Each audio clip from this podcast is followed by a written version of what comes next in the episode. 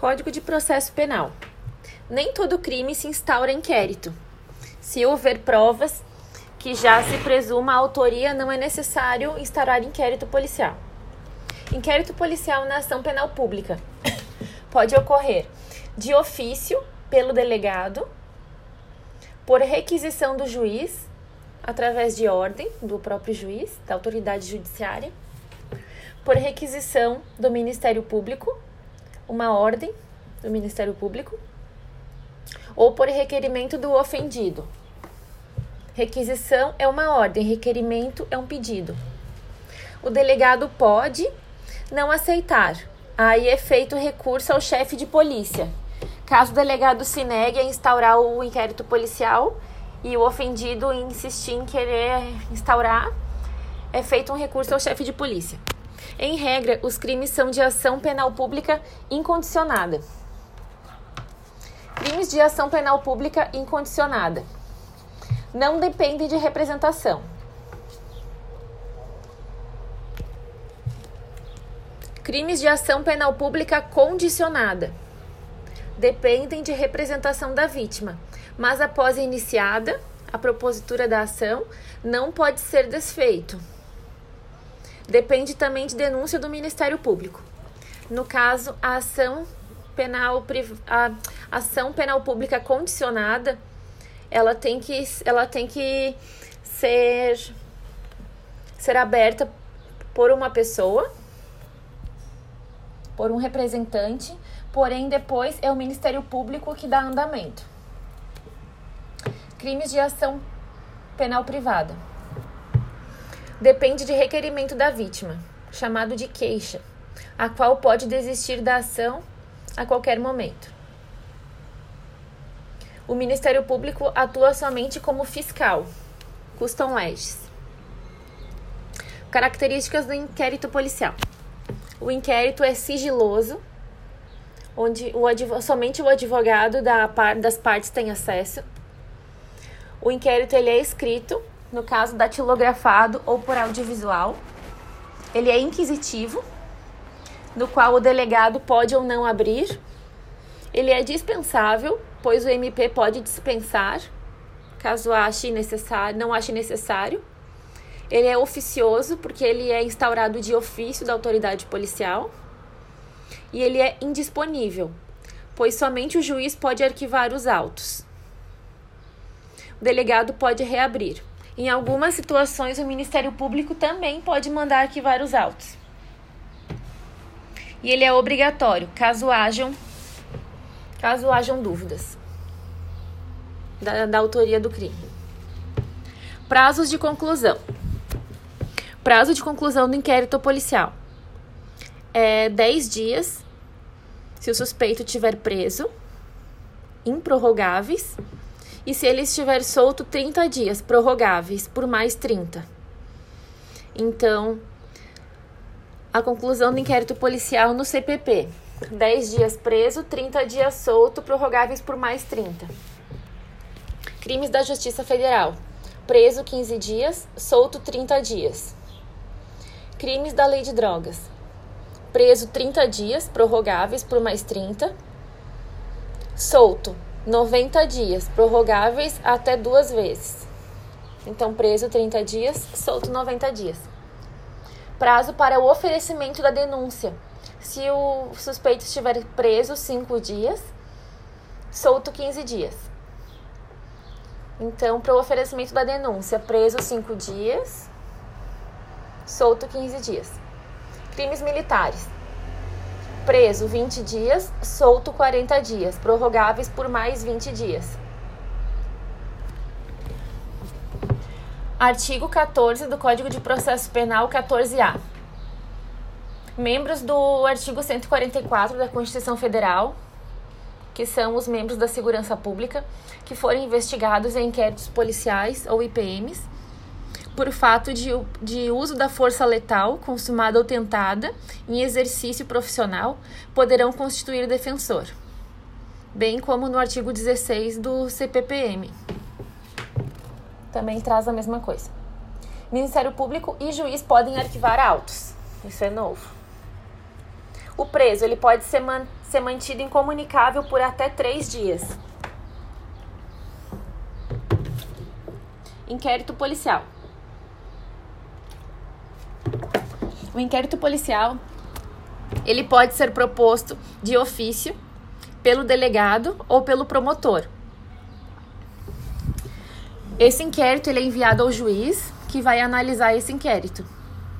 O juiz decide se arquiva o inquérito, caso ele não veja provas suficientes, ou então ele encaminha para o Ministério Público, para o Procurador-Geral.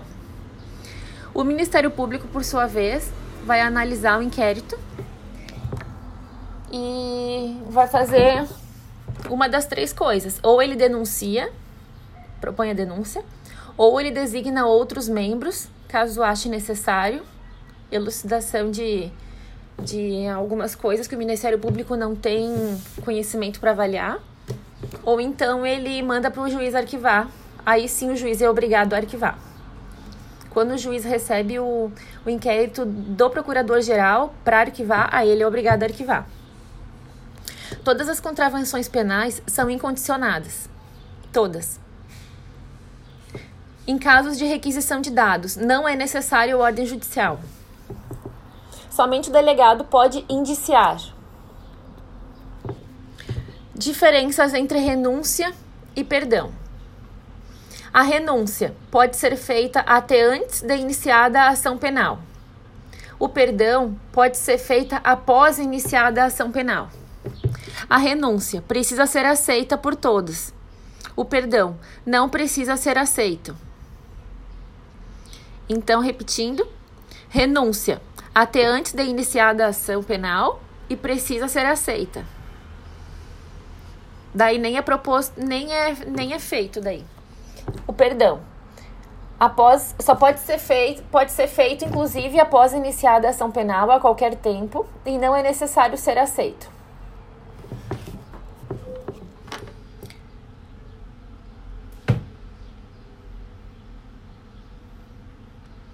O Ministério Público ele oferece a denúncia ao juiz. O juiz recebe a denúncia ou nega. Se ele nega, ele manda arquivar. Oferecimento e recebimento de denúncia. Oferecimento, recebimento. O O vem antes do R no alfabeto. Então, primeiro é o O, primeiro é o, o depois é o R. Então, primeiro o juiz recebe, primeiro o juiz oferece a denúncia, primeiro é oferecida a denúncia ao juiz. Então, primeiro, a denúncia é oferecida ao juiz. E após isso, o juiz recebe. O Ministério Público, o delegado oferece a denúncia e o juiz recebe. OR, oferecimento, recebimento. Retrata retratação, até o oferecimento. Retratação, oferecimento com o O grande. Retratação, oferecimento. Retratação, oferecimento. Arrependimento posterior, recebimento, com um R grande. O arrependimento posterior também só pode, só pode ocorrer até o recebimento da denúncia do juiz. Então, na fase do oferecimento, ele é permitido ainda. Arrependimento posterior recebimento, tudo junto, com R grande. Repetindo, a renúncia não precisa ser aceita, pode até antes de iniciada a ação penal. O perdão precisa ser aceito pode ser após iniciada a ação penal.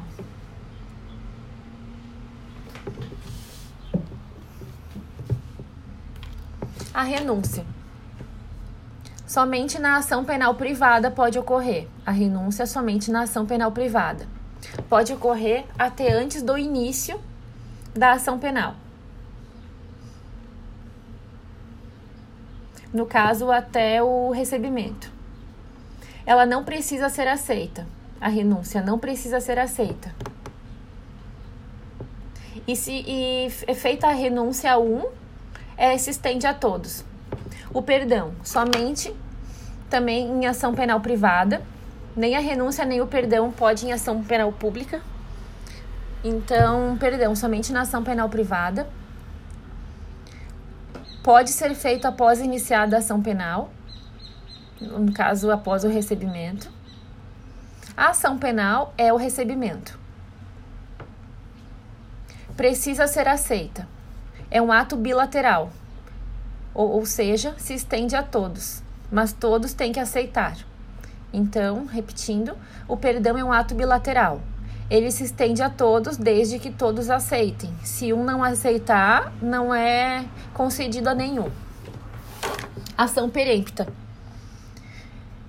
É quando a ação penal privada, na ação penal privada, quando o ofendido nada não der andamento no processo por 30 dias seguidos, ou quando falecido e ninguém prosseguir por 60 dias ou o ofendido não comparecer. Aí a ação ela é perempta, é extinta. Ação penal pública pode ser incondicionada ou condicionada. Ação penal pública incondicionada é a regra geral de todos os crimes e não necessita de representação. Quando os crimes não trouxerem claro qual é o tipo de ação, é porque é incondicionada. Fica subentendido, pois é a regra geral. Ação penal pública condicionada Pode ser por requisição do Ministério da, Justi da Justiça, uma ordem, ou por representação da vítima ou de seus sucessores, do CAD.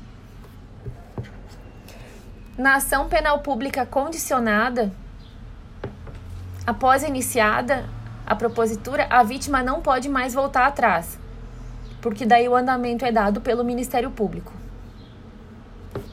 A vítima tem até seis meses para representar após a ocorrência do fato. Ação penal privada é uma exceção à regra. Somente alguns crimes do Código, de, do Código Penal são de ação penal privada e eles trazem, trazem escrito que são desse tipo de ação. A lei menciona quando for. Nos crimes de ação penal privada cabe retratação. A ação penal privada, ela pode ser ação privada propriamente dita, personalíssima ou subsidiária da pública. Persecução criminal. Persecução criminal é a investigação mais o processo que é igual à execução da pena. Então, investigação, que se dá através do inquérito policial. Após a investigação, ocorre o processo através da ação penal. A ação penal, no caso, é o recebimento a condenação é recebida e após o processo é feita a execução da pena. Retratação no Código de Processo Penal. Pode ocorrer até o oferecimento da denúncia e pode ser feito ao delegado. Então, a retratação dos crimes em geral do Código de Processo Penal podem ser feitas até o oferecimento da denúncia e podem ser feitas ao delegado. A retratação em casos de Maria da Penha somente até o recebimento e somente para o juiz. Então quer dizer que a retratação da Maria da Penha pode ser feita após a ação penal. Porém, é só, medir, só perante o juiz. Os outros tipos de crimes, somente até o oferecimento, ou seja, somente na fase do inquérito. Maria da Penha pode ser feita a retratação tardia no, no, na fase do recebimento, porém só mediante o juiz. Ação penal pública é feita por meio de denúncia do Ministério Público. Ação penal privada por meio de queixa de particulares. Informar crime. Chama-se notícia crime e qualquer um do povo pode fazer. Ação penal, na ação penal privada, o Ministério Público participa como custom legis, fiscal. Mas não é o Ministério Público que dá andamento à ação, somente fiscaliza. A, na ação penal privada, a queixa feita será igual entre todos os partícipes.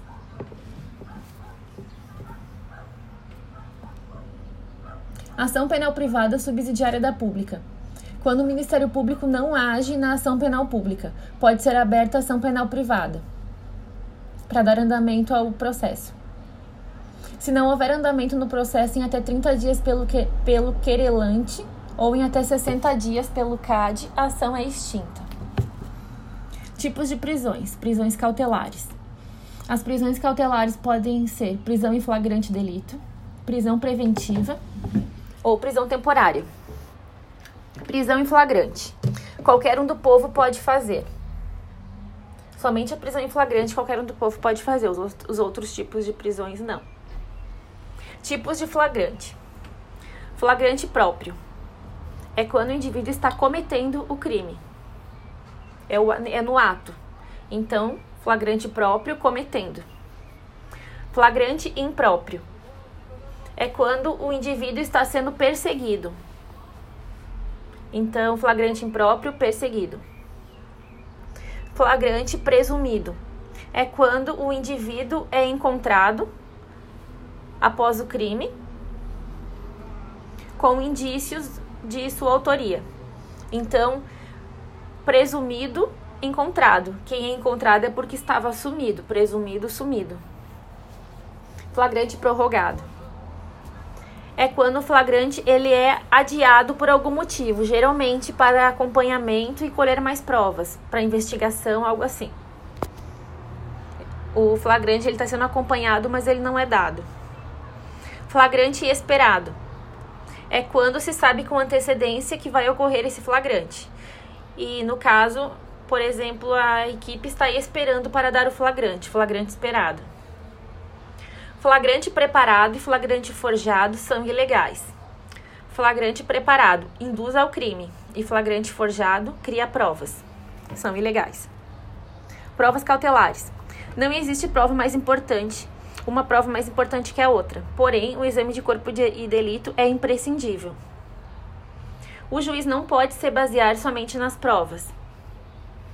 O juiz pode determinar a produção de provas. Prova testemunhal não supre o exame de corpo e delito e a confissão também não. Então, nem a prova testemunhal, nem a confissão suprem o exame de corpo e delito. Nenhuma prova supre. O juiz pode aceitar ou não o exame de corpo e delito. A busca pessoal feita por policiais é um tipo de prova. Medidas cautelares.